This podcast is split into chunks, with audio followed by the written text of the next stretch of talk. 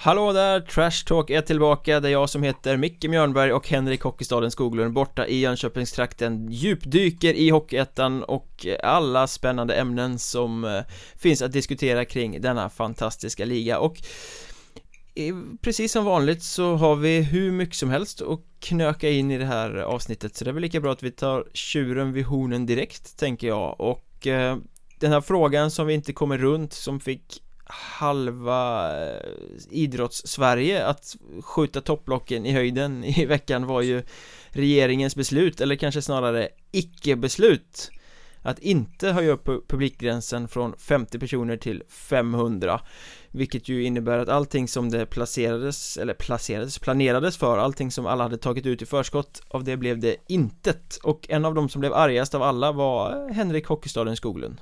Ja jag tycker att det är bedrövligt faktiskt. Eh, om man ska vara helt ärlig. Man kan, eh, man kan argumentera. Det, det, finns så många, ofantligt många infallsvinklar på det här. Så jag vet inte riktigt var jag ska börja. Eh, men, men, om jag då ska börja på den snälla fronten. Om man säger så. Så, så måste jag ju faktiskt säga att eh, ha kvar 50-gränsen är helt rätt.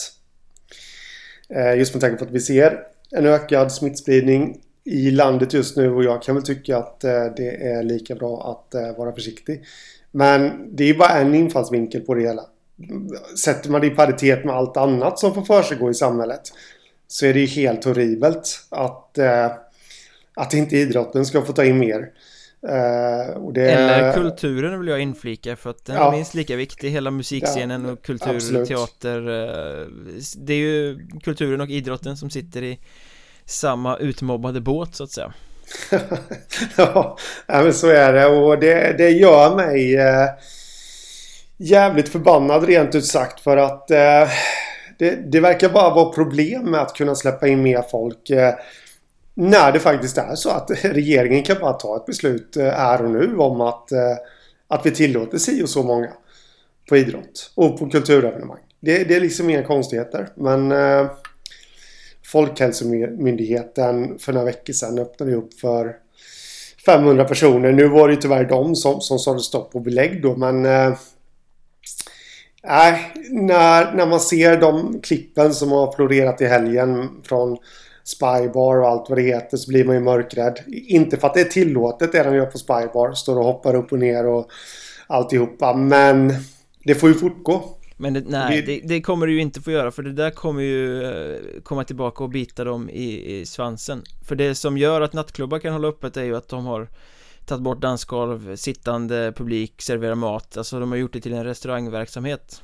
Och att stå upp sådär tight och festa på det sättet är inte förenligt med en restaurangverksamhet så som reglerna säger. Så att Det där kan de ju åka dit på och då blir de ju nedstängda istället Ja det får så man ju verkligen det, hoppas det där är ju liksom inte tillåtet det man ser där utan det är ju liksom bara att de inte sköter det de har sagt att de ska göra. Då förväntar man sig då att tillstånden ryker den här veckan All världens väg. Jag hoppas jag för, äh... Men det där tycker jag är det stora problemet för alla tappar rim och sans och reson. Jag förstår att allting är, är väldigt orättvist. Folk pekar på Ullared, folk pe pekar på Mall of Scandinavia. Köpcenter får ju hålla öppet och kollektivtrafik får ju vara öppet och, och liksom sådär. En sak till Och så får du bara, så får du bara vara, ja säg du, gör det. Bilträffar har varit, eh, det har blivit det nya nu, det har ju alltid funnits men de har ju blivit jättestora, speciellt här i Jönköping. Det har fått fortgå hela sommaren och även nu. Alltså det är tusentals människor som samlas ja. på ett och samma ställe. De säger att de sköter sig, men ja, det, det där tror jag väl lite vad jag vill om. Eh, om jag ska vara helt ärlig gällande ja. avstånd och alltihopa. Jag läste ju ett uttalande från en polis där att som fick frågan då varför uppröt ni inte samlingen. Nej men folk måste ju få umgås.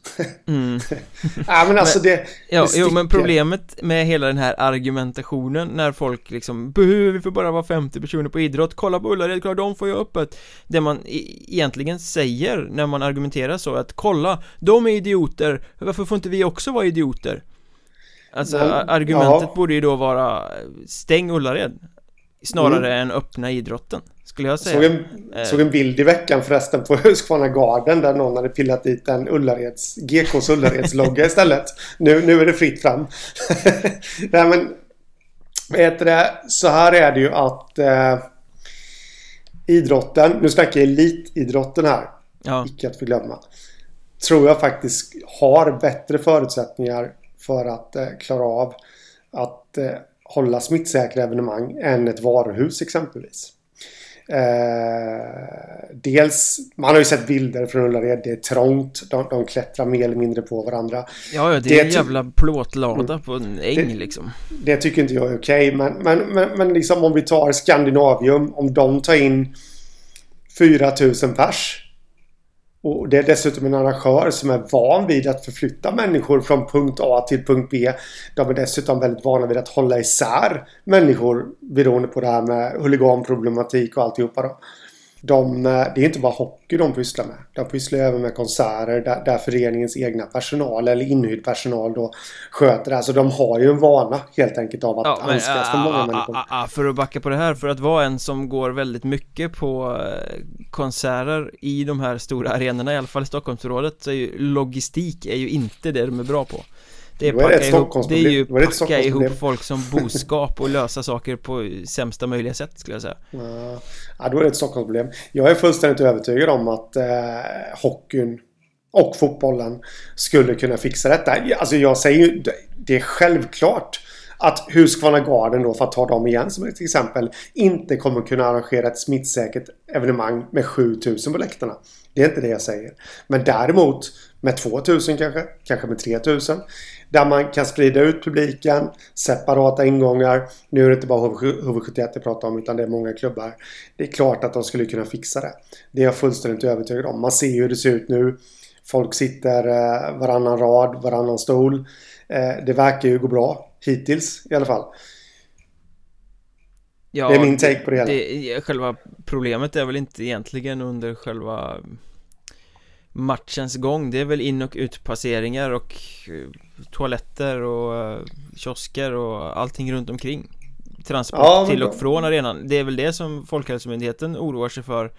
Alltså Logistiken när folk ska förflyttas till och från och in och ut. Det är väl där, där som smittotillfällena kommer vara snarare än när man sitter på sin stol och tittar på matchen.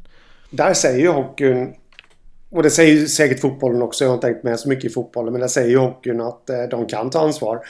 För genom separata ingångar, dela av arenan så att eh, varje sektion har en kiosk var.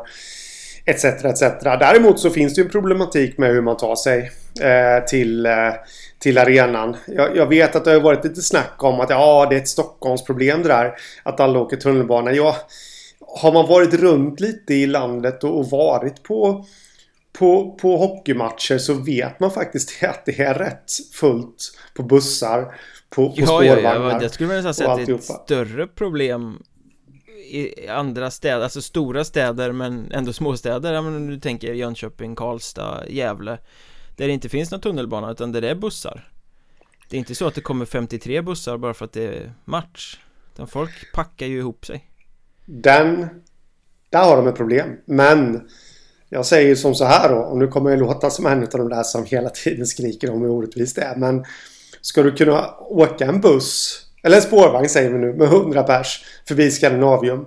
Alla kliver av, men bara 50 får gå på matchen. Det kan jag faktiskt tycka är rätt horribelt. Ja, det är Eh, klart att det är Då får de liksom sätta ner foten i så fall mot lokaltrafik och alltihopa nu för att Ja visst, vi ser en ökad smittspridning nu men sen beror det lite på vad man läser. Den är inte så dramatisk som vissa vill jag hävda gällande att den är. Just nu så är det lite att det står och väger. Då kan jag känna, kan låta jävligt oansvarigt nu, men då kan jag känna, ja men låt folk åka buss då, för det gör de ändå. De åker spårvagn, buss, tunnelbana, de gör det ändå. Och vi ser ju inte den här eh, katastrofala ökningen som vi gjorde i våras. Så det kanske det kanske är helt okej att folk åker, åker kommunalt då. Jag vet inte. Sen har jag tänkt på en annan sak där också. Just gällande det här med hur man ska klara av det här eh, med, eh, med hur folk tar sig till arenan.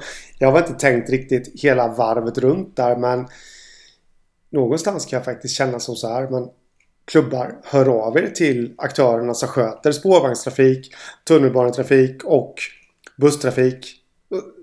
Låt dem inte stanna vid arenan. Två timmar innan match och två timmar efter match.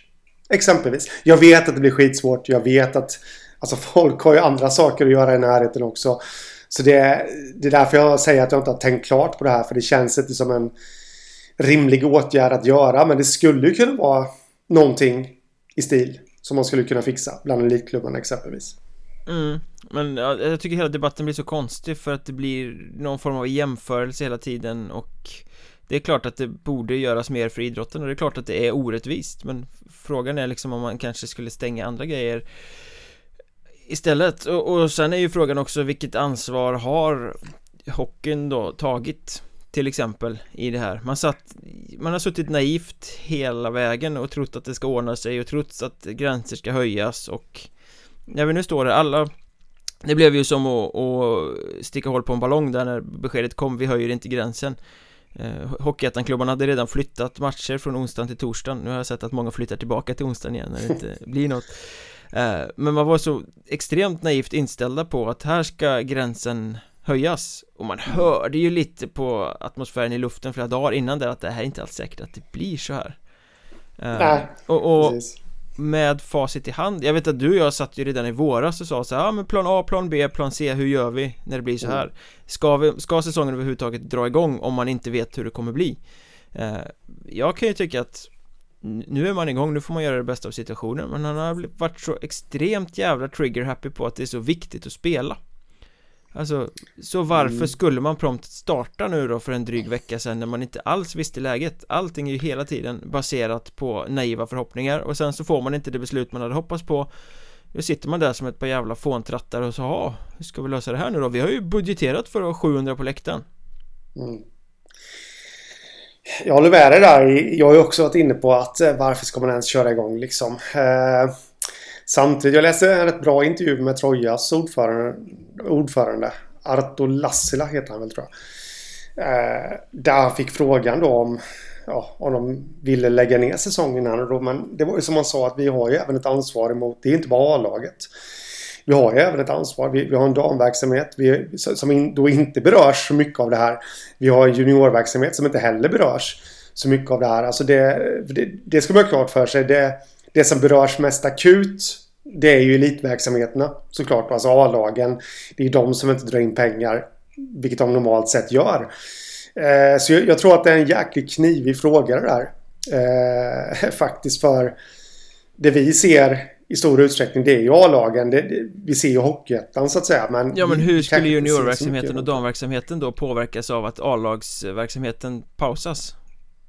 Var, Nej, alltså... de drar ju inte in några pengar alls då. Men jag vet om att det, det, det var ju så jag tolkade den artikeln.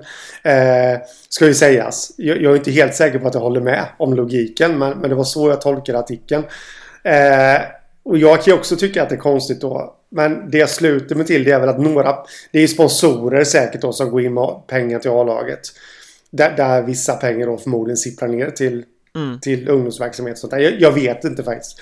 Men eh, eh, ja, jag fick en liten tankeställare där. Det, det, är ju rätt mycket mer som berörs. Och jag snackade med Horndal, Mats Horndal Johansson där, ligachefen för Hockeyettan. Jag ringde och ställde frågan till honom när, när beskedet kom att det kanske då skulle bli 500 personer på läktarna. Det, det är väl några veckor sedan nu. Så, så frågade jag det. Ska ni skjuta fram säsongen då till efter 15? Men det var ju som man sa, nej men det går inte. Nu har vi kommit så här långt. Det är bara några dagar kvar innan vi börjar. Och sen, det, vi har ju centrala avtal att eh, följa. Och dessutom så har ju klubbarna sina sponsoravtal att, att genomföra. Så, så det är ju ett litet moment 22 här, eh, tror jag.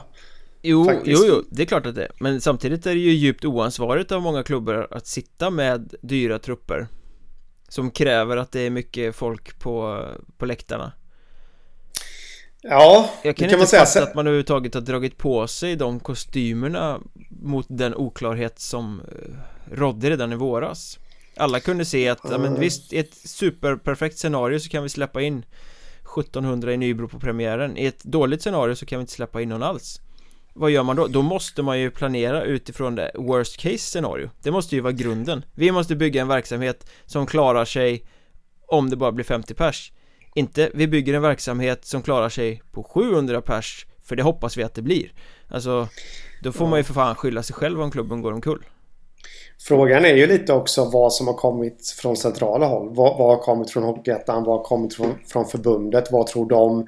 Ja, men Sen vad de tror är ju helt irrelevant för det är ju alltså De kan ju lika lite om smittspridning som du och jag Då har du ju nästa problematik där då eh, om man nu sitter då och är högst ansvarig för en hockeyklubb och så ser du att konkurrenterna röstar vi ofta, det ser vi varje säsong. Vi ser klubbar som ah, borde de egentligen satsa så som de gör? De har inte så bra ekonomi. Men det, det är ju den här stressen som kommer då. Eh, liksom oj, nu blir de bättre än oss. Nu måste vi också förstärka lite. Och där har vi ju, jag kommer ju hela tiden tillbaka till det här att redan i maj borde beslutet ha tagits att, att man stänger ligorna för nedflyttning.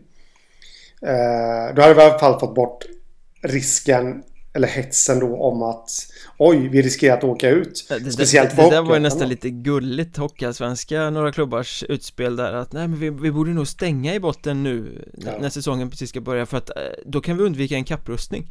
Ja. Som att den där kapprustningen inte kommer varje säsong ändå oavsett nej. vilket. Kapprustning blir ju, det är ju många, så inklusive jag, som, som, är, som är öppen för att ha uppflyttning uppåt istället då. Och det är där vi kommer att se kapprustningen i så fall. Så det är inte helt vattentätt att stänga ner heller. Eh, men, men förmodligen kanske det kommer kunna rädda några klubbar. Men nu, nu, nu har de ju redan köpt på sig så att säga. Eh, sen blir jag lite trött på den här. Det, det gäller kanske inte... Alltså, jag, jag håller med dig i vad du säger och allt det där med, med att man hade ju önskat kanske då att det hade varit lite mer försiktigare med, med spelarköp och sånt där. Men, men sen har vi ju samtidigt, jag läste det är mycket jag har läst nu, men jag läste, jag tror att det var Färjestads VD Stefan Larsson som var lite emot det här att Djurgården och Luleå fick så mycket cred. För att de inte har förstärkt någonting under sommaren. Men det var ju som han sa, men alltså de har inte tappat så mycket heller. Och de har ju suttit med med, de sitter ju med kontrakt från föregående säsong istället. Mm. Eh, så det är egentligen... Fast det går ju det inte egentligen... att tillämpa på Hockeyettan för där är ju Nej, 95% av alla kontrakt ettårskontrakt. Precis. Så här är ju allting nyskrivet. Och sen är det ju som så här också, utan att ha koll på hur årets löner ser ut och sånt där i Hockeyettan. Men det blir lite svårare i Hockeyettan tror jag än vad det blir högre upp att eh, sänka lönerna. För Alltså... Ja, alltså det är ju jättelätt i Hockeyettan, det är bara att ta spelare som inte kostar lika mycket. Det finns mängder av spelare som ja, är på så billiga. vis, på så vis. Alltså du men, skulle men, ha byggt ja. Du kunde ha lagt en grund i föreningen, vi kommer inte erbjuda ett enda kontrakt som är över den här ekonomiska ersättningen. Mm. Sen vill folk inte skriva på det, nej då tar vi andra spelare som är beredda att skriva på det. Man hade fått lönepressa helt enkelt i en sån här situation. Jag och, och på... det hade gått jättebra att bygga bra lag på det sättet också. Inte lika flashiga och sådär som tidigare. Men å andra sidan det ska, så laget som ska upp ska inte ens möta ett hockeyallsvenskt lag. Nej. i slutändan. Så att eh, det hade garanterat gått att bygga på det viset. Jag tänker snarare på befintliga trupper nu då som finns. Att nu går det inte ja, jo, Nej nu är det ju för sent att göra någonting åt det. Det här är ju någonting som, som klubbarna skulle ha jobbat med redan i våras när de såg vart ja. det kunde ta vägen så att säga. Ja. Eh, men, hur, men hur ska de klara sig nu då? Nu blev det det blev inte 500 och det blir väl förmodligen inte Det kan ju ändras snabbt. Slutar smittspridningen och folk börjar sköta sig så kanske man kan släppa in det. Men troligtvis är det väl eh, Alltså jul. För det är väl dit fram som den här 50-gränsen som regeringen la i våras ligger va? Ja. Kollar man lite på hur det ser ut internationellt Nu är ju inte Sverige så speciellt likt något annat land Det ska vi ha klart för oss. Vi har ju det är också viktigt att poängtera om man ska se till helheten att Sverige har faktiskt klarat sig väldigt bra ändå. De har fått mycket kritik, regeringen, för allting och sånt där. Men, men, nu ser vi ju att vi har ju inte den här akuta smittspridningen som man ser runt om i Europa nu. Och det beror väl lite på, på våran eh, taktik som vi hade tidigt i våras där. Men eh, Ja, herregud. Vad, vad var frågan nu? Jo, jag tror ju så här. Kollar man internationellt så sa jag det att eh, det, det är inte likt något annat land. Men England exempelvis, där, nej, det kommer nog inte bli publik förrän eh, till nästa höst. Eh, Tyskland vet jag också har gått ut, nu har de lite publik, jag vet det, men, men eh, också gått ut och sagt någonting, ja tidigast kanske nästa vår då, alltså 2021. Eh, och frågan är ju om inte det här kommer pågå längre i Sverige också. Om man nu ska måla upp ett riktigt mörkt scenario. Det kan det mycket väl göra. Mm. Man känner, alltså, med tanke på hur länge det redan har pågått eh, Eh, så finns det ju ingenting som tyder på att, ja men, ja men 15 november, då är det klart Nej, men sen är det så. Sverige har ju hela tiden kört på den här uthålliga strategin också då. Det, medan andra länder körde lockdown och hoppades liksom på att problemet skulle försvinna efter två månader så har ju faktiskt regeringen och Folkhälsomyndigheten varit tydliga redan från början att det här kommer ta väldigt lång tid. Eh, vi gör så här nu och det gör vi för att platta till kurvan. Bla bla bla. Men det kommer ta lång tid. Och Ah, jag, jag, jag är lite inne på att vi kommer nog få se en hel säsong eh, utan publik om Folkhälsomyndigheten och regeringen får bestämma fullt ut. Sen hoppas man ju på att de ändå kommer komma till sans och köra de här undantagen för idrotten. Eh, men, men, om man tänker enbart på smittan så tror jag ju att eh, att eh, de vill behålla så länge som möjligt. Mm. sen, Hela säsongen. Sen kan jag bli lite trött på de här domedagsprofeterna som är ute och skriker om att sporten kommer gå under, det här kommer döda ishockeyn. Jag är, helt övertygad, jag är helt övertygad om att Absolut inte. Det kommer döda klubbar och det är jättesorgligt för klubbar som eh, kommer gå omkull Men för idrott eller som sport som sådant Nej, det kommer inte gå omkull Det kommer vara de som la sina pengar på fel saker som kommer gå omkull För det kommer alltid nya Där klubbar går i konkurs och försvinner kommer alltid nya Kommer alltid liksom Idrotten överlever icke ansvarstagande elitsatsande klubbar går under men idrotten överlever? Nej, där. hur lång tid har vi nu? det beror på hur länge alltså... folk orkar lyssna på vrede tror jag. Nej, men så här är det att eh, ja, absolut. Hockeyn kommer att överleva. Eh, fotbollen kommer att överleva. Handbollen kommer att överleva. Bandyn kommer att överleva. Det, det är inget tutal snack om det. Men i vilken form kommer vi få se den i framtiden? För att det är lite som så här. Eh, jag vet inte om det är så att eh, jag hade ju en krönika som jag skrev i veckan med utgångspunkt från eh, det Folkhälsomyndighetens generaldirektör Johan Karlsson svarade på en fråga från SVT. Ja jävlar vad snett ute du var. Nej, jag var rätt ute där eh, anser jag. Och eh, frågan han fick från SVT då det var ju att eh, Det var ju direkt efter den här presskonferensen då när, när det blev klart att det inte skulle bli någon höjning av publikantalet och eh, hur kommer det påverka? Ni har ju ett ja, ansvar för folkhälsan. Hur kommer det påverka folkhälsan ifall elitklubbar går omkull? Och då enligt mig väldigt okunnigt så bara fnös Johan Karlsson lite. Ja, det, det är huvudsaken är att bredden klarar sig. Ungefär. Svarade han. Eh, och då ska man ha klart för sig så här. Jag var jag ska inte säga att det var väldigt hård mot Folkhälsomyndigheten men där kan jag väl ändå säga att jag var lite snett ute just att Ja, Folkhälsomyndigheten har ett ansvar för folkhälsan men vad är uppdraget från regeringen just nu? Det är ju faktiskt att hålla nere smittspridningen. Så på så vis. Men jag tycker ändå att det är lite oroväckande att han, att han inte ser elitklubbarnas eh, grej som de ändå gör för sporten. Och överallt. Och om vi då håller oss till hockey, men det här kan även appliceras på väldigt många idrotter. Så vi kan ju börja med det här elitklubbarna exempelvis då. Jag snackade med Agne Bengtsson förra veckan, klubbdirektör i HV71 som sa, han hade inte de exakta siffrorna men vi genererar 100 miljoner ungefär tillbaka i skatteintäkter per säsong. Ja men det där är ju det klassiska klubbargumentet. Vi gör så mycket för ekonomin, vi är så viktiga. Alltid, försvinner ni så kommer någon annan som kommer göra det där. Det är inte pengar, det, det, är inte ja. pengar som försvinner. Det är bara klubb, det är klubbar som sitter på höga hästar och tycker att de är viktigare än vad de är. Ja, det, de pengarna kommer försvinna, det tror jag. För att, eh, om man, då börjar jag fundera lite på det här. Ja, men, ja okej, HV drar 100 miljoner då tillbaka. Vad, vad, vad, kan man ta för snitt på det där då? Ja, kan man ta 75? Det är bara min hobbyanalys här då. Kan man ta att varje SHL-klubb genererar 75 miljoner tillbaka till statskassan varje säsong? Tar det gånger 14 då, då har du en miljard. Och någonstans så får jag för mig att den där miljarden, något utav den går ju ändå tillbaka till breddidrotten. Skulle jag tro. Exempelvis orienteringsklubben som köper in lite nya snitslar och snitslar upp sin bana och alltihopa. Det är jag fullständigt övertygad om. Men sen har vi dessutom, och det här kan jag tycka är lite mer oroväckande då, att eh, många klubbar, även om de överlever, så kommer de att gå på knäna ekonomiskt. Eh, det kan vi nästan vara överens om. Ja, ja, så, eh, så är det ju ett faktum. Och vad kommer de skära i då? Till att börja med. De kommer skära i damverksamheten. De kommer skära i ungdomsverksamheten. Och juniorverksamheten. För att, och det kanske inte är så konstigt, men jag tror att tänket kommer vara mycket som så här. Nu måste vi bli framgångsrika med vårt elitlag, locka mycket publik efter corona nu då. Så men, vi drar in men, pengar. Men när du argumenterar så, då är, det. då är det ju klubbarna i sig som eh, är skadliga för folkhälsan, inte Folkhälsomyndigheten, för där ligger ju valet på klubbarna. Då väljer de att elitsatsa istället ja. för att liksom Fast det här är ju affärsverksamhet. Det är ju det folk har lite svårt att förstå. Generellt, det är någonting jag har vänt mot, mot innan också. Så elitklubbarna, man kan snacka om den här idrottsliga charmen och alltihopa då som Marcus Leif på Sportbladet skriver mycket om. Den kokta korvens doft och allt det där. Man kan snacka om det. Men... svetten i, i väggarna. Ja, nej men precis. Och det, det är ju sånt vi alla älskar, så är det ju. Men ska man se rent krasst på det.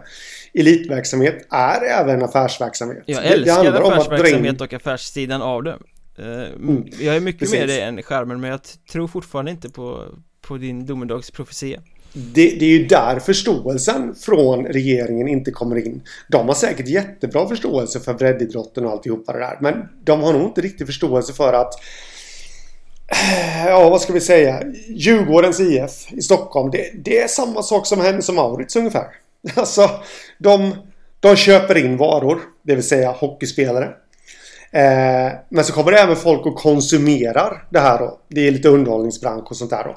De pengarna som kommer in till klubben, ja visst, det går till spelarlöner. Men det går ju även ner så att de ska kunna eh, lägga mycket kraft på sina ungdomar. Damverksamheten. Det här är ju ingenting, det är ju själv, självspelande piano. Nu kommer jag ju säga någonting som garanterat folk går i taket för. Men damverksamheten är ju en förlustaffär Ja, för elitklubbarna. Så är det ju. Eh, och ändå så vill vi ha den. Eh, vi vill ha juniorverksamhet. Ja, då gäller det ju faktiskt att, att klubbarna kan dra in sina slantar.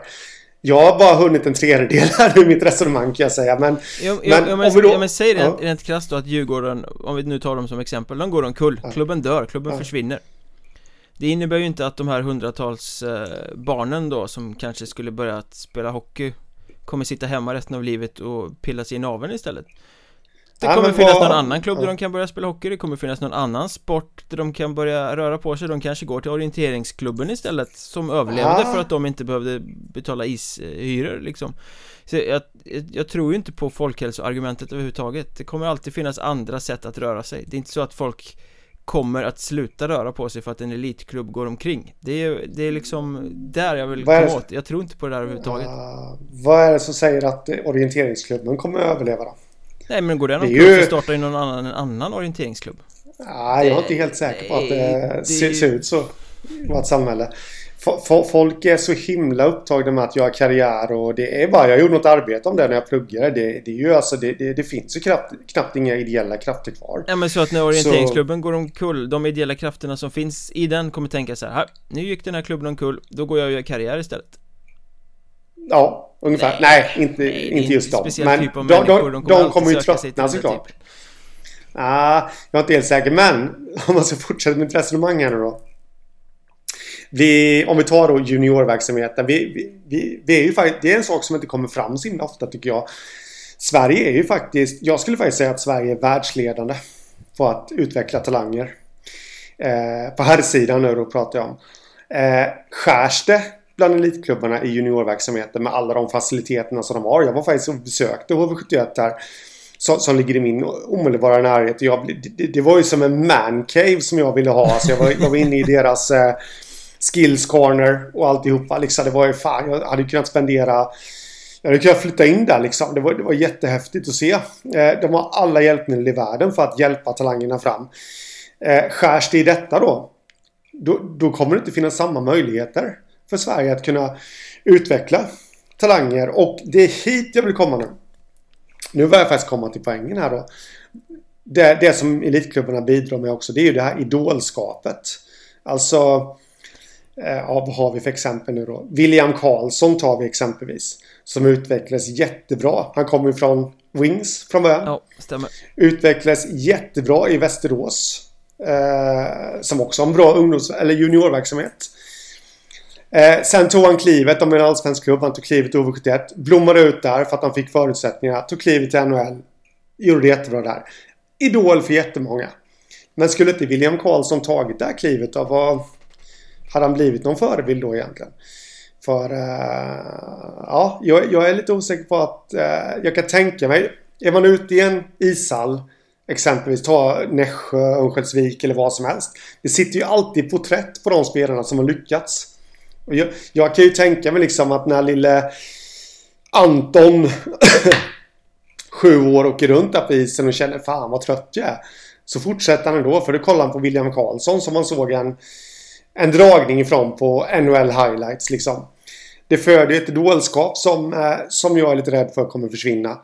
Eh, jag vet att jag hårdrar det hela nu men det gäller ju att hårdra det för att verkligen förstå att det är lite fara för färde här nu. Jag, jag, jag kommer bara att tänka på den här sköna raden ur Karl-Bertil Jonssons julafton när du pratar nu. Det här utspelade sig nämligen på den tiden när ungdomars idoldyrkan inte nödvändigtvis var av sexuell natur. Nej men alltså, och förstår lite vad jag menar? Uh, jag fattar vad du menar men jag tror att det är en väldigt liten del i sammanhanget För när det gäller små barn och som börjar Det är möjligt att det är annorlunda nu men jag menar det behöver inte vara en världsstjärna för att det ska vara idoldyrkan. Det blir ju liksom, ett litet barn kan ju se upp till uh, Göte i det lokala division 5-laget mm. Men då kommer vi till nästa del då. Som jag sa, nu kanske jag har hunnit hälften då mitt resonemang. Eh, Om vi tar Hockeyettan här då, för det är ändå det vi, vi ska prata om. Hockeyettan är ju lite där elit möter bredd Skulle man kunna säga. En elitförening i Hockeyettan att peka ut här är ju Troja Ljungby som har just alla de här. De har ju alla grejer som en SHL-klubb har. De har ett damlag. De har en ungdomsverksamhet, juniorverksamhet som, som är i sammanhanget rätt framgångsrik. På alla plan. Om Troja skulle gå omkull då, de har ju faktiskt flaggat för att de är lite osäkra på ifall de ens klarar hela säsongen. Mm, de har byggt en lite dyr trupp. Mm. Men vad händer om Troja går omkull? Vad ska alla, alltså Ljungby har ju fostrat eh, Jakob Larsson, spelar i Anaheim. Kanske han inte gör längre. Han kanske är tradad. Skitsamma. Roger Johansson. Alltså de har ju fostrat jättemånga spelare. Mattias Weinhandel såklart. Eh, men det kanske blir ett slut med det. Då. Om det inte finns någon lokal hockeyklubb. So be it. Mm, ah, alltså, jag är lite orolig. Du är alldeles för nostalgisk. Du vill att det ska vara som det alltid har varit. Så här, klubbar Nej, ska göra på det här absolut. sättet. De ska alltid finnas. Nej men låt, låt dem gå under, säger jag. Men, men, om, vi då, om vi då tar ett annat exempel här då. Eh, för det, det, är ju jättemärkligt. Jag, jag pratade faktiskt med en eh, hästmänniska här förra veckan. Eh, nu börjar det, nu, nu Alla, alla hockeyälskande lyssnare börjar bli ilskna nu Ska han prata om Rolf-Göran? Ska han prata om Rolf-Göran? Nej då, det är inte Rolf-Göran Men jag, jag pratade med en hästmänniska som är med i en förening där En förening som faktiskt inte heller vet ifall de kommer överleva nu för att de de kunde inte arrangera sin tävling som de brukar kunna göra. Som brukar kunna dra en del publik. Och det är ju den tävlingen som, som liksom ja, räddar deras ekonomi år efter år. Eh, det funkar inte nu. För att den här 50 personsgränsen då. Eh, ja, de vet inte hur de ska överleva. Då har vi en ridklubb någonstans i landet som går omkull. Eh, och ja, barn Speciellt tjejer, om man nu ska generalisera, gillar ju liksom att hålla på med hästar och sådär. Ja, för, för att, för att uh, ordvitsa på eh, just ridklubb, det kommer ju bli en slakt. Så är det ju. Alltså, klubbar kommer dö, klubbar kommer gå under. Det kommer vara ofantligt tragiskt och, och uh, ett blodbad. Men alltså, min poäng är ju att jag tror inte att det i, i förlängningen, det kanske blir magra år, absolut. Men i förlängningen så kommer inte idrotten och idrottsutövandet att dö av den anledningen? Ehm. Nej, inte helt kommer det inte dö. Men jag är absolut att folkhälsan kommer bli... Jag kan, dra, jag kan lasta fram hur många exempel som helst. Jag, jag kan ta mig själv som exempel här. Jag... Eh, när jag var liten, jag, jag var faktiskt rätt bra. Om jag nu får skryta lite på, på skridskoåkning framförallt. Jag hade inget bollsinne men skridskoåkning och, och spelförståelse faktiskt. Det, nej, det måste jag säga var mina Tyvärr skadade jag knät där. Och eh, kunde liksom inte få någon hockeykarriär att tala om.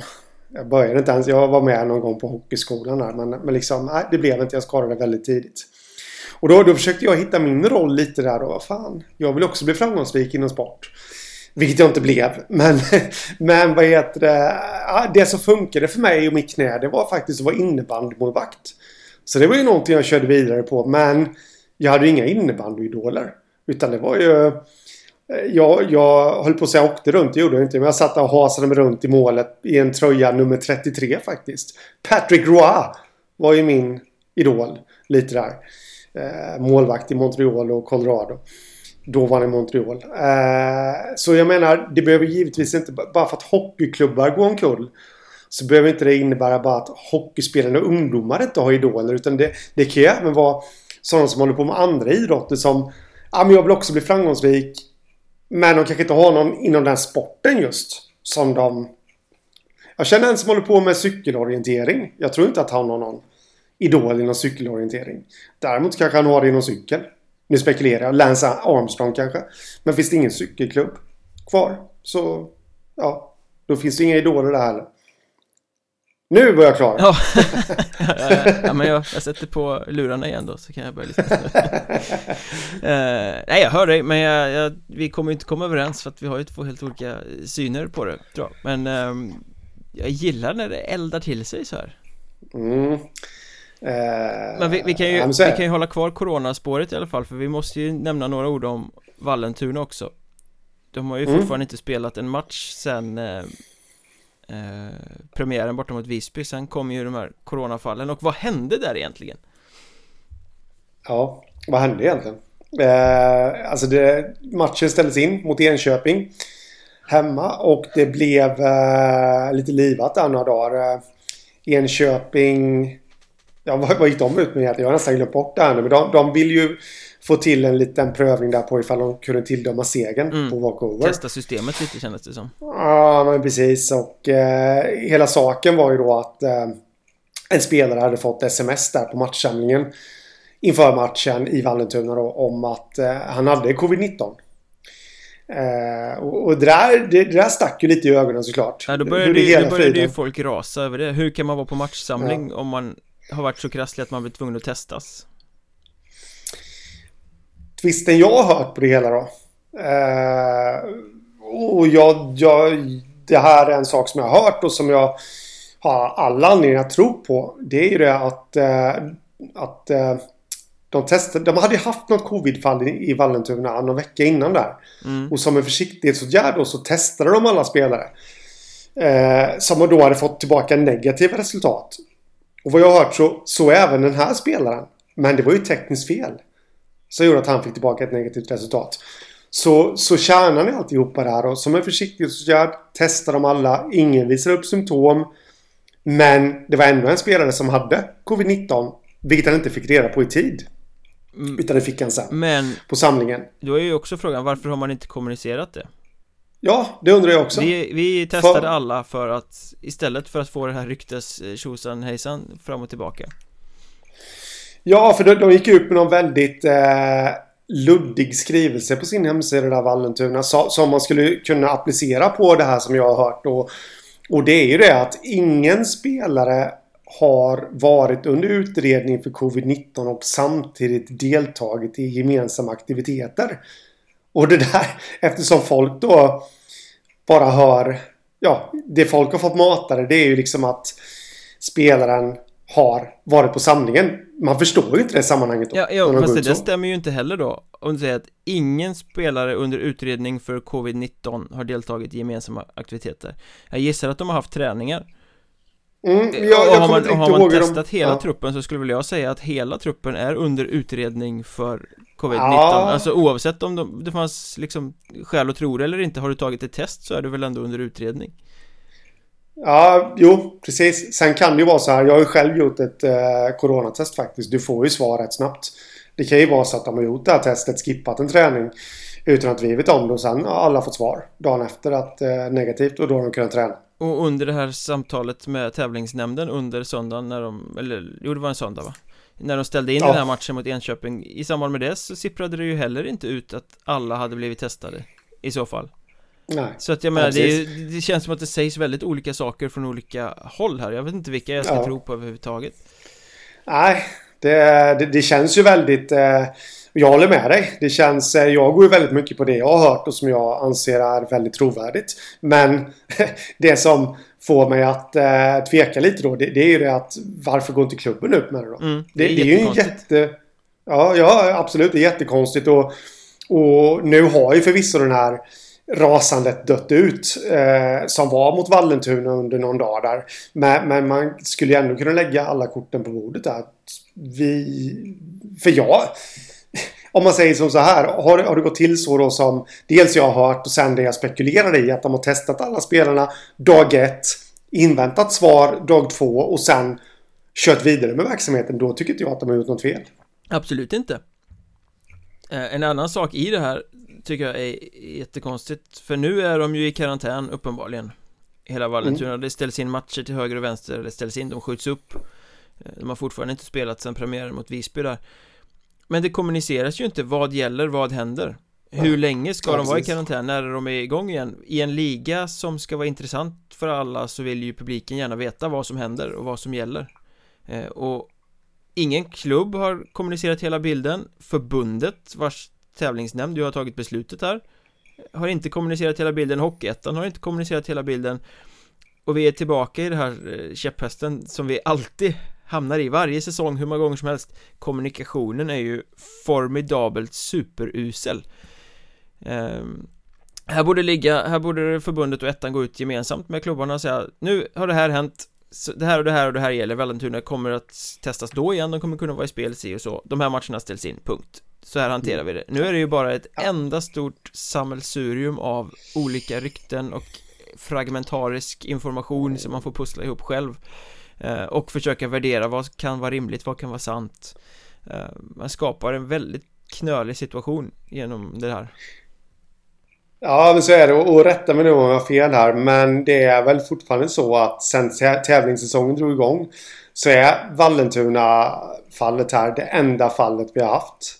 Ja, i Hockeyettan ja, i alla fall som Ja, men ja Det är, det är ja. bara Vallentuna som har tvingats ställa in matcher ja. ja, men ja precis i Hockeysverige Och det här är ju absolut en, eh, en möjlighet för Hockeyettan att få synas lite Det här är ju sånt som intresserar även den mest inbitna SHL-supporten som inte bryr sig om någonting annat Så vad händer i ett sånt här fall? Men det, alltså, det, de skulle vinna så mycket på det att gå ut med det mm. Så här har vi, eller då klubben, gjort i det här fallet. Eh, jag tror det skulle skapa jättemycket uppmärksamhet och, och, och goodwill också på något vis eftersom eller ja, goodwill vet man inte. Folk har en tendens att reagera annorlunda. Men, eh, men ja, men du, du förstår liksom. Informationen det, måste det här, bli bättre. Ja, men så är det. Och det här är ju dessutom ett, om man nu kan kalla det för det, lite prejudicerande fall också. Så här gjorde vi i det här fallet. Mm. Och då, då finns det alla anledningar att tro att så kommer man göra i fortsättningen också. Ja, precis. Men de kanske har haft fullt upp med att förhandla eh, upplåtelseavtal med Karlskrona. Eh, ja. en, en, annan het snackis från den här veckan som vi faktiskt snackar en hel del om i eh, den Patreon-exklusiva delen den här veckan. Eh, Lite om eh, avtalet som Karlskrona till slut skrev under angående sändningsrättigheter och sådär. Eh, Och det är alltså då tillgängligt via Patreon och feeden där för er som väljer att stödja oss. Vi har ju sagt så, vi behöver få in lite ekonomi i podden för att kunna göra den en gång i veckan. Eh, och för er som stödjer oss med några kronor i månaden via Patreon så kommer vi att släppa lite exklusiva episoder om eh, specifika ämnen och det är det vi snackar om den här veckan där. Kolla in det! Patreon.com Mjölnbergs Trash Talk söker ni efter där om ni vill stödja oss och höra det eh, Grymt. Ni vill inte missa det Spaningar från början av säsongen då, vad, vad eh, sticker ut tycker du? Nej, det går ju inte att komma ifrån att eh, Wings och Enköping har börjat så pass bra. Så de har gjort Huddinge lite mer väntat. Eh, men det är ju de enda tre klubbarna med, med utan förlust. Faktiskt. Utan poängförlust ska man säga kanske. Ja, utan poängförlust i Hockeyettan. Och Huddinge väntat. Enköping Wings. För att slå mig själv lite på bröstet här nu då så, så var det Jag varnade för dem innan. Eh, men jag tippade dem inte till allettan och de är definitivt inte klara för allettan. Men, men ja, en bra start för dem i alla fall. Enköping har väl haft ett lite lättare schema än Wings. Ja, de slapp ju sin bortapremiär mot Vallentuna där så att... Eh. Ja, precis. Så, men det, det är ändå lite ögonfallande tycker jag. Ja, och Wings rider ju ganska mycket på eh, NHL-invasionen i uh, Hockeyallsvenskan kan man säga För de har ju en femma ja. av spelare från Väsby som de har lånat in och nu Senaste veckan har de haft med sig Christian Hägg från Almtuna också eh, Eh, så att det är ju inte dåliga spelare som kommer in på lån där i Wings om man säger så Nej, nej, nej absolut inte så Det är klart och eh, jag, jag tycker ju visst nu, nu, har de ju fått då de här De fick ju från Väsby också eh, när, när Väsby började låna ut spelare för någon månad sedan där. Så de har ju fått förstärkning. Eh, jag trodde ju på dem redan innan det. För jag kände ju att de hade ju, de hade ju kvar hela sitt lag från i fjol. Som nu får ännu en säsong på sig. Eh, och de gjorde det bra i fjol. Eller? Ja, som det, nu den de tappar är väl egentligen eh, Christian Blomqvist. Som, ja, som var den stora poängkungen som har öppnat den här säsongen med absolut. att göra sex kassar på tre matcher för Huddinge. Ja, herregud. Det, kan han slå lobb? Hade det hetat om han hade spelat i SHL. ja, precis. Men nu får han ta sikte på Jon Bergman istället. Ja. Säger eh, historienörden. Ja. Men eh, ja, åter till Wings. De fick behålla hela laget. Ja, ja absolut. Det fick de. Och det var väl lite det jag byggde mitt resonemang på då. Att, eh, att eh, ja, det, när de gjorde det så pass bra förra säsongen och få en säsong till på sig. Minus Blomqvist då. Men det var även andra spelare som gjorde det väldigt bra i Wings förra säsongen. Så, plus de har förstärkt också då. Så, mm, nej, så, så kände jag att det fanns någonting redan på förhand där. Sen kom det in väldigt många fler spelare då som, som jag inte hade räknat med. Så det är väl kanske egentligen inte så oväntat att de är med i toppen. Det blir ju ett litet ett litet, litet test för dem här nu i... Uh, ja, när blir det? Blir det till helgen? Är det då de möter Hudiksvall? Eller är det Huddinge? Jag vet inte, jag ah, kan jag... inte spelschemat. Jag tar det dag för dag så att säga. Ah, precis, för de har Hanviken borde de vinna. Men ja, Hudiksvall borta på ja, fredag kanske. Jag vet inte. Men uh, det blir ju test. För, ja, ja, verkligen. Ifall, och, i, i, fallet Enköping så får man väl säga också att deras lite mer rutinerade bygge har ju Ja men de, de har presterat som man hade kunnat förvänta sig Det, det har ja, startat absolut. rätt bra, de är ganska tunga eh, De har inte haft jättesvårt motstånd heller Det ska man ju faktiskt säga att även om Visby är sämre än förra året I alla fall på pappret så var det ju väldigt starkt av Wings att åka och vinna i, eh, på Gotland. Ja, ja absolut. För menar, Gotland en fredagkväll, det är svårt Oavsett vad Visby mm. ställer för lag på isen. Mm. I fallet Huddinge som obesegrade så Ja, de har väl också haft ganska lätt motstånd Men det är ändå i ögonfallande att de har gjort tvåsiffrigt två matcher i rad nu. De mosade Hanviken borta med 10-3 och så fyllde de upp nu på söndagen med 10-4 hemma mot rivalen Segeltorp mm. Så att offensiven funkar ju uppenbarligen även om motståndet är svagt Ja men precis Så det är, så intressant när, när väl de får sina test också så att säga då mot eh, ja, Visby, Hudiksvall och Vallentuna när de nu kommer igång Söndagen var ju... Ströms... Ja. Vi måste nämna en sak till förresten bara. Strömsbro. Fick ingen bra start. Två raka torsk. På säsongen. Mm. Eh, hämtade sig igår då i söndagen där och körde väl över Hanviken. Kanske inte säger så himla mycket ändå om Strömsbro men det kan, det kan ju ha varit det som, som krävdes för att de skulle komma igång där. Eh, de hade ju Huddinge första förlusten för Strömsbro där. Det är inte så mycket att säga om. Eh, det, det, hade jag nog inte... Det hade jag nog tippat menar jag att eh, Huddinge skulle slå dem. Men... Eh, ja, vilka hade de sen? De har ju kört tre matcher. De, de hade väl andra matchen där. Ja, vilka var det? Nu står det helt still. Vi börjar komma till ja, åldern precis. här. Minnet är de inte vad det ska vara. Wings hade de ja. Wings hade de. Eh, det är väl lite mer skrällartat och även om jag varnade för Wings så det är starkt av Wings också mm. att vinna. Ja, fortsätt du. Söndagen sa du. Ja, söndagen var ju annars en eh, eh återkomstens dag för många eh, profiler eh, Marcus Pajen Persson mm. säsongsdebuterade för Borlänge Fredrik Lindgren gjorde sin eh, första match för säsongen, eller comebacken i SK Lejon. Eh, Och Filip Lander var tillbaka efter sina ryggproblem i Hudiksvall. Så mm. det var ju flera profiler då som var tillbaka på isen. Jag såg matchen eh, Borlänge-Lindlöven 1-2 och eh, Persson var väl, han var pigg. Han kom ut och satte dit några bra tacklingar. Första bytet var, Som han brukar vara sköt på det mesta.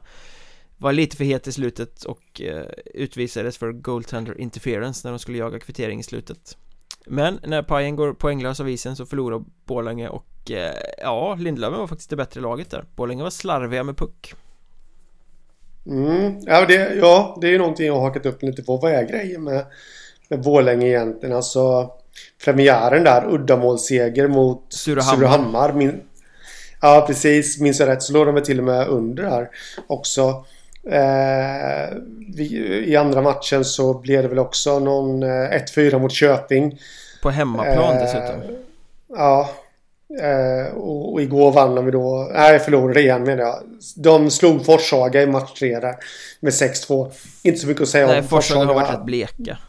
Mm. Ja, så, så då är frågan Borlänge. Din take på dem så att säga. Vad, vad saknas? Ja, så de är ju tokhypade i, toppen Mest av gammal vana mm. känns det som ja, men De har ett bra lag och de har eh, Pajen Persson och Patrik Elfsberg och Jakob Thor och de har ju bra spelare Men eh, Av det jag såg igår så var det ju ett förvånansvärt slarvigt Borlänge För jag vet ju att tränaren Stefan Gustafsson där, han är ju noggrann Han bygger ett. Stabilt grundspel och han är noggrann med det han gör. Han vill att laget ska göra rätt jobb och, och liksom ha den här processen som hela tiden blir bättre.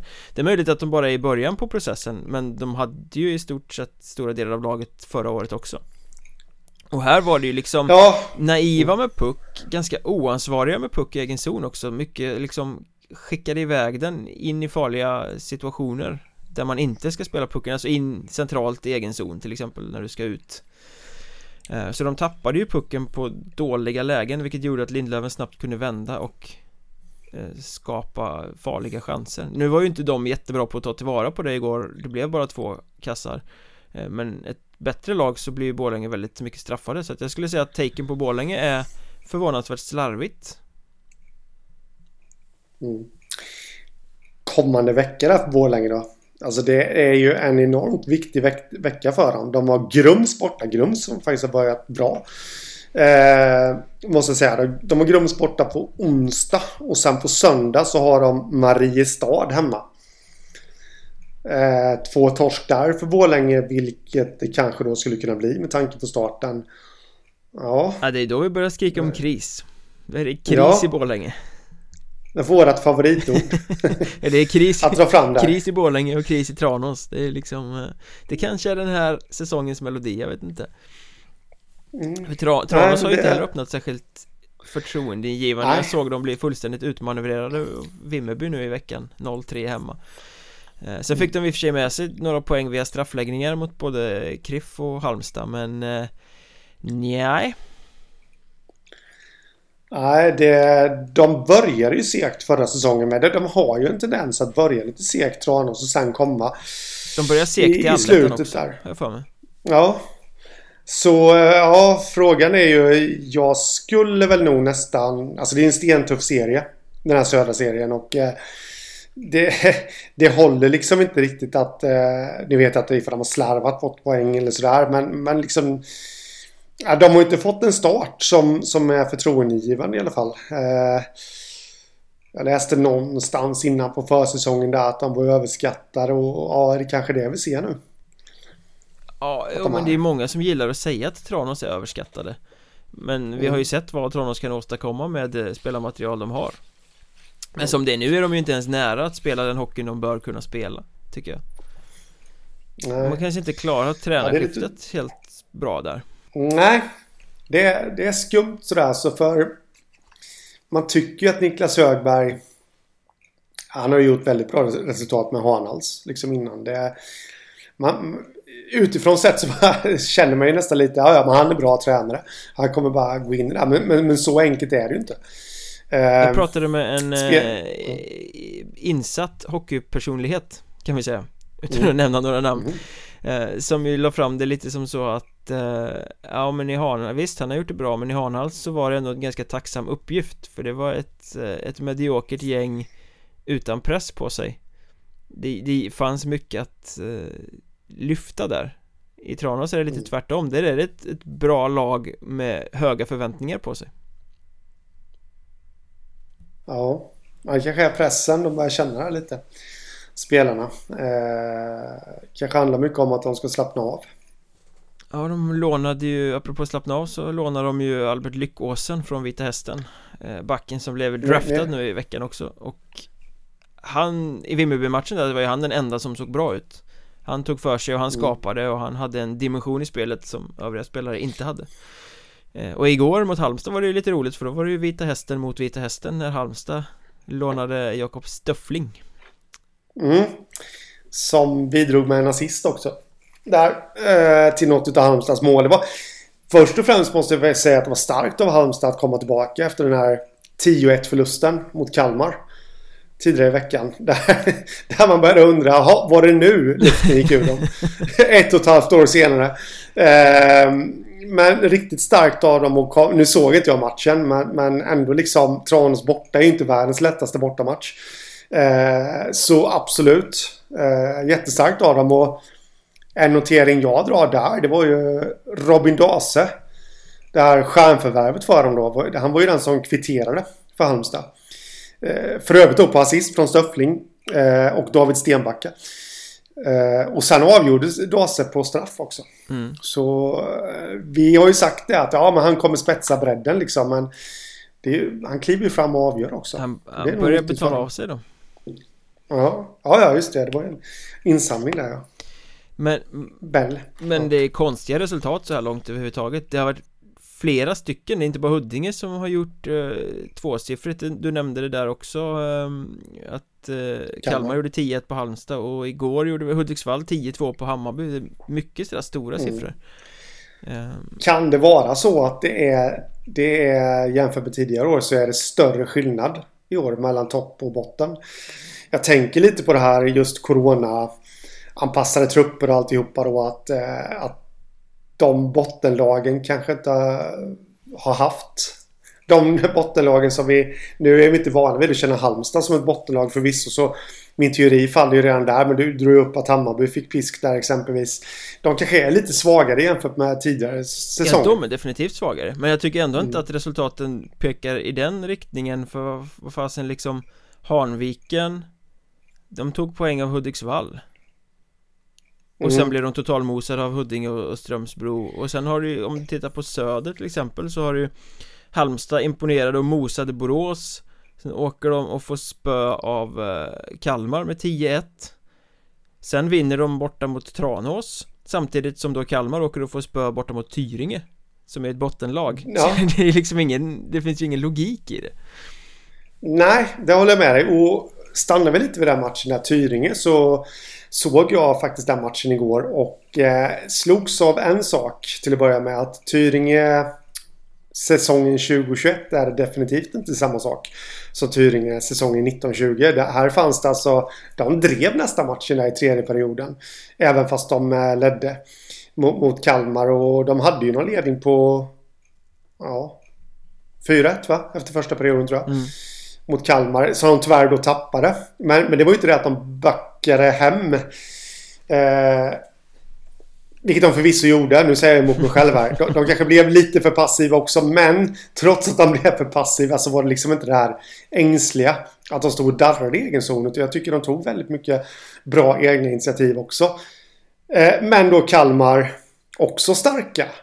Som man kanske då trodde lite, ja men de har haft stjärnlag här nu två tidigare säsonger. Nu kommer det bli lite mindre av den varan. Och jag tyckte de visade upp en enorm styrka faktiskt att komma tillbaka och eh, fick de förvisso stryk då på, på straffar var det ju men eh, de kvitterade ändå i slutet med utplockad målvakt och alltihopa. Så alltså, intressanta iakttagelser där faktiskt. Måste säga en rolig incident där, eller incident, det var jättekul att se. Kalmar hade powerplay och eh, vad heter han? Isak Bäckstad tror jag han heter i Tyringe åkte runt som, jag vet inte, världens NHL-buse. och inte buse utan alltså proppade spelare i parti och minut. Alltså det var open ice hits, alltså rena tacklingar. Klockrena tacklingar. Och publiken, de 15 som var på plats då, det var ju, det var ju ovationer nästan. Så det var, det var riktigt härligt att se Såhär monsterbyte liksom. Ja, men absolut. Han hade ju två klockrena tacklingar i, i, ja, på 10 sekunder där. Som såklart höjde moralen hos hans lag då. Eh, Kasper Andersson, forward i, i Tyringe där, var också en som jag imponerades lite av. Det känns Det var som... han som avgjorde till slut va, på straffarna? Det är lite mer än vad jag vet. Jag såg ju det, men jag la inte på minnet. Men det är mycket möjligt att det var det. Eh, som kändes som lite där frontfiguren i, i nya Tyringen får man ju säga. Som gick i bräschen. Mm, ja, men... Nu har jag bara sett en match så. Ja men det är intressant. Ja men kul. Spaning eh, där Vi säger att det inte finns något mönster men ett mönster som går igen eh, finns det ju. Eh, och det är ju att Surahammar torskar. De, de ja. byggde nytt till den här säsongen De satsade lite mer, la in lite mer ekonomi i det Tog in lite bättre spelare Nu ska vi lyfta oss från botten Vi måste bli bättre Fyra omgångar in i eh, serien så är det fyra raka torsk Och jag skrev om det i helgen faktiskt att eh, eller i veckan var det väl? Nej, i fredags var det. Eh, de här, nu har det varit hedersamma förluster. Man har varit med, man har liksom känt att man ah, man är nästan där. Nu, nu föll man hemma mot Borlänge med 2-3 Man förlorade hemma mot Skövde med 1-3 eh, Man förlorade bort mot Dalen, då var man väl inte riktigt med. Och sen så Igår då så torskade man mot Eskilstuna Linden med 2-1 och avgörande kassen kom med 50 sekunder kvar. Så man är ju där mm. men ändå inte Och det där måste ju sätta sig mentalt. Alltså nu när man har gjort den här nysatsningen och så blir det ändå bara torsk.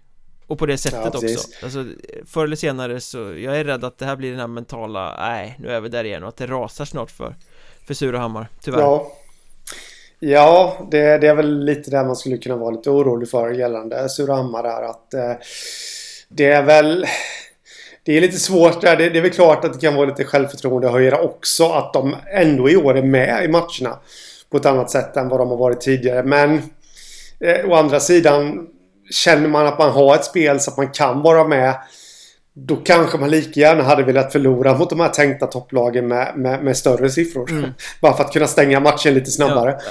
Om du förstår, om du förstår vad jag menar. För att ta Skövde-matchen som, eh, som exempel då, för den såg jag. Där var det ju det är en hedersam förlust för de är med ganska bra spelmässigt. De förlorar i slutändan bara med 1-3 Men det är ju inget snack om att det är Skövde som är det bättre laget och det mer spetsiga laget och det som vaskar fram och skapar.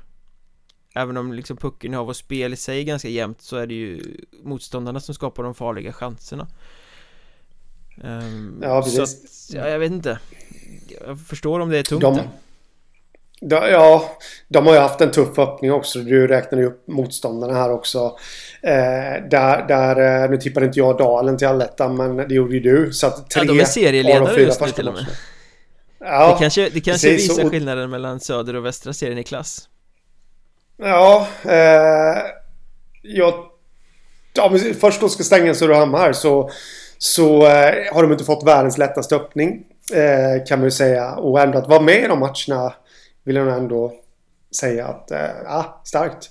Dalen eh, har jag inte sett jättemycket av faktiskt. Jag såg mer av dem på försäsongen. Och där tyckte jag att de hade väldigt mycket mer att önska. Eh, men ja, serieledning gjort det bra. Pulveriserade Forshaga igår med 9-3. Någonting som rann iväg i den tredje perioden då om jag har förstått det rätt. Där 6-1 slutade det med. Jesper Törnberg, konstmål. Eh, coast to coast. När han tog pucken. Ja, coast to coast ja. Jesper Coastberg. Eh, så är det bara att se om det håller i sig för Dalen här nu då. De har ju fått onekligen fått en bra start. Det vet att de fick för några säsonger sedan också i Söder. Eh, föll igenom sen lite där spelarna kanske min eh, spekulation är nu då att spelarna blev lite för mätta. Mm. Eller mätta men lite nöjda. Ja, vi har gjort det bra. Det, det gäller ju att de inte hamnar in i den trallen igen. Eh, intressant vecka för dem också faktiskt nu som kommer. De har väl eh, Lindöven borta. Grums hemma och eh, ja det är väl de matcherna de har tror jag. Det är svårt. Ja, det är svåra matcher för Grums har börjat över förväntan tycker jag. Eh, och eh, Lindlöven... Nej, där blir det nog inte lätt för Dalen. Nej, Lindlöven de, de kan nog bli vassare. 1-5 mot Kumla var väl kanske en plump men i övrigt har det sett rätt okej ut tror jag. Eh, mm. Där har jag faktiskt en liten sista spaning också vad gäller Kumla. Eh, de har väl inte börjat särskilt jättebra sådär Men de har gjort 12 mål så här långt Och Stjärnförvärvet Viktor Wenghult står noterad för 0 plus 9 Ja. Han har alltså varit inblandad. Eh, Dels är han väl mer en målskytt än en framspelare egentligen och gjorde massa mål på försäsongen. Nu har han blivit assistkung istället. Men eh, det, det som är uppmärk- uppseendeväckande är väl att han är inblandad i 75% av lagets mål. Och det säger Mm. väl kanske också lite om varför de inte är så framgångsrika då Nej men precis så, ja men till att börja med då positivt. Bra att stjärnan, tilltänkta stjärnan levererar direkt. Såklart, och Men- negativt, någon mer måste också göra det Ja, precis. Så är det ju liksom. Eh, så, men, men kommer resten av laget igång där och, och vad heter det, Wenghult håller i så, så kan det ju... De, de har ju en del, tycker jag, intressanta spelare. Som, eh, som eh, han de plockade från Stjärn Svensson. Spelade där exempelvis. Mm Precis Som jag vet att du trodde på redan förra säsongen. Ja, ja, jag trodde att han skulle breaka i, i dalen, det gick inte alls Nej. Så eh, till och med utlånat till Nässjö där i division 2 några matcher. Så att... Eh, Det är inget gott betyg eh, nja, Nässjö är bra. Det är de. Ja, men att bli utlånad till division 2 menar jag Ja, ja, ja, du menar så. Ja, nej. Jag vet inte riktigt hur det där var om... Om, om det var... Har för mig nästan att det var så, så att Dalen var spelledare då. Så att eh, det var inte riktigt så att han... Nej, du får inte spela, du, du lånas ut. Utan jag tror att det var ett eget initiativ till. Som han tog där. Att nu när vi ändå är spellediga så...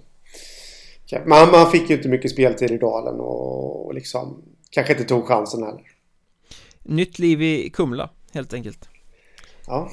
Och mer podd hör ni ju då som sagt på eh, Patreon Eh, fick Karlskrona ett bättre avtal än de övriga Hockeyettan-klubbarna? Det kan vara en lite känslig fråga det där. Eh, Kolla in patreon.com slash mjölnbergstrashtalk eller sök mjölnbergstrashtalk på patreon.com om ni vill stödja oss med någon liten, liten slant i månaden. Vi skulle vara så sjukt tacksamma för då kan vi göra den här podden ännu bättre.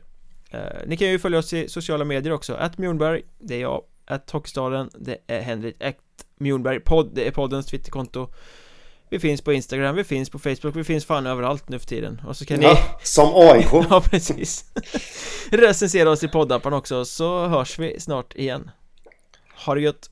Detsamma.